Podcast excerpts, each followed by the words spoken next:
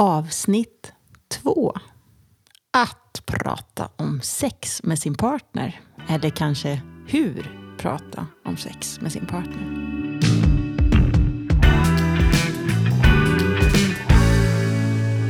Ja, det här kommer ju från en eh, fråga från eh, lyssnare.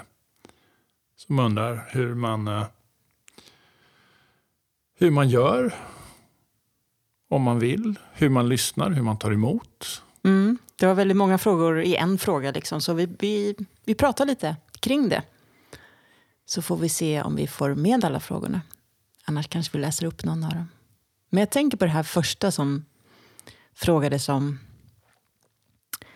Alltså om man nu vill göra någon specifik sak i sexet eller absolut inte vill göra en specifik sak i sexet. Hur, hur gör man då för att liksom berätta det? Alltså hur börjar man det samtalet? Vad skulle vi göra tänker du? Jag tror det har ju mycket att göra med vart man befinner sig i sin relation. Ja. Om man har varit tillsammans i tre månader eller ett år eller 25 år. Eh, borde man vara på olika platser? Det är inte säkert att, att man är det. Vad menar du då, borde vara på olika platser? Jag tycker att om man har varit ihop länge så borde man ha växt och vågar vara lite mer öppen och vågar vara lite mer. Men samtidigt så kanske man i tidigt skede har, har lagt ner all sexuell utveckling. Man har hittat något som är okej för båda och så, och så har man gjort det hela tiden. Så individerna kanske spelar stor roll. Ja, för jag tänker att både att man kan vara trygg då som jag tolkar det, att du försöker säga, om man har varit länge i en relation. Ja, Men samtidigt så kanske risken ökar. För att man ska tänka att den andra tycker att jag är helt crazy. Men Efter 25 år så tycker den andra nog att du är helt crazy i alla fall. Så att det kan inte bli ja, värre. ja, och samtidigt tänker jag att alltså, jag skulle vilja att du berättade. Så varför skulle inte du vilja att jag berättade?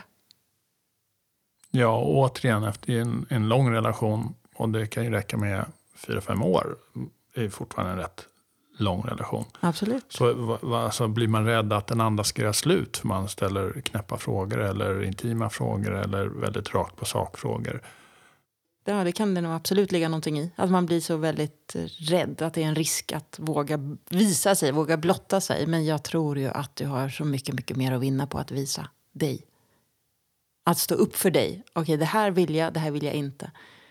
Kan det inte vara så att man, att man eh, provar lite då? Mitt under sexet? Viskar lite? Du, det här skulle tända mig. Ja, kanske. Det kanske också kan ta död på, på den sexsessionen. Men eh, ja, eller i mer lugna former. Eller när man är ute och kör bil. Vi gillar ju att prata när vi kör bil. Och så man, man kan inte rymma därifrån men man behöver inte titta på varandra för någon måste titta på vägen. Ja. Så det kan vara en, en, en metod.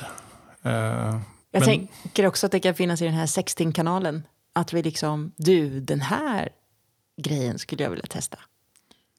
Ja, skicka en bild, skicka Ja. en liten filmsnutt eller någonting som man är nyfiken på. Mm. Det, det skulle absolut kunna vara ett, eh, ett sätt att eh, lyfta frågan. Mm.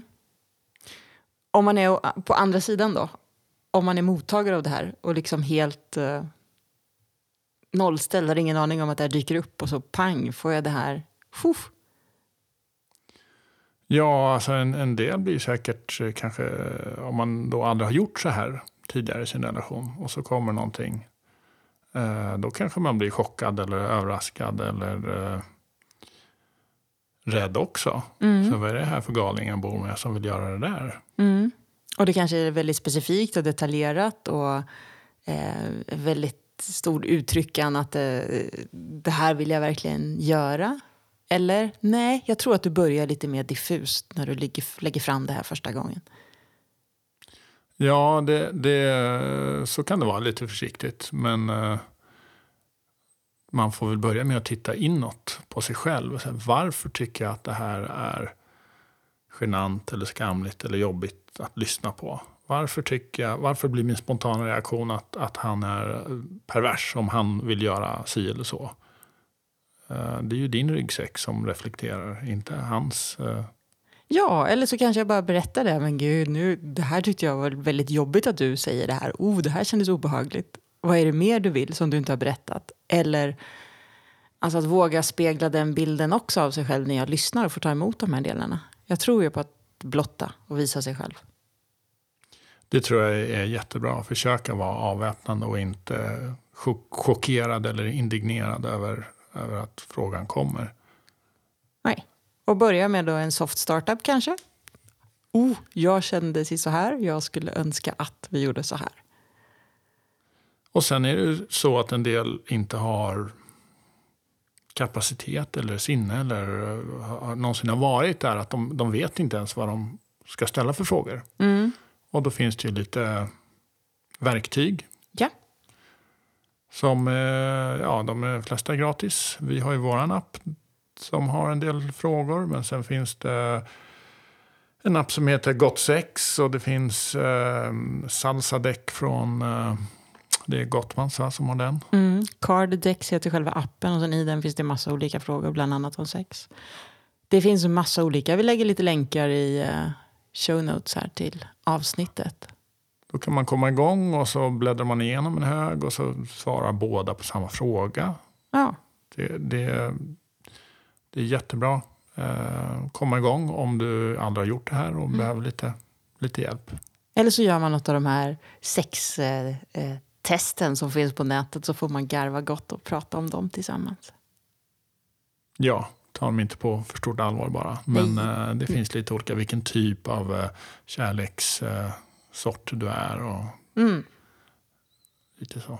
Sen vill vi även förstås tipsa er igen om att göra den här listan på saker som jag gör mig själv tänd när jag och jag gör mig själv avtänd när jag. Det är nästa nivå.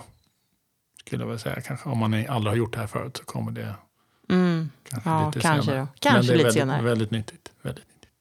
Vi tror på er. Vi tror att ni klarar av det här i alla fall. Så varsågoda, prova. Tack för idag.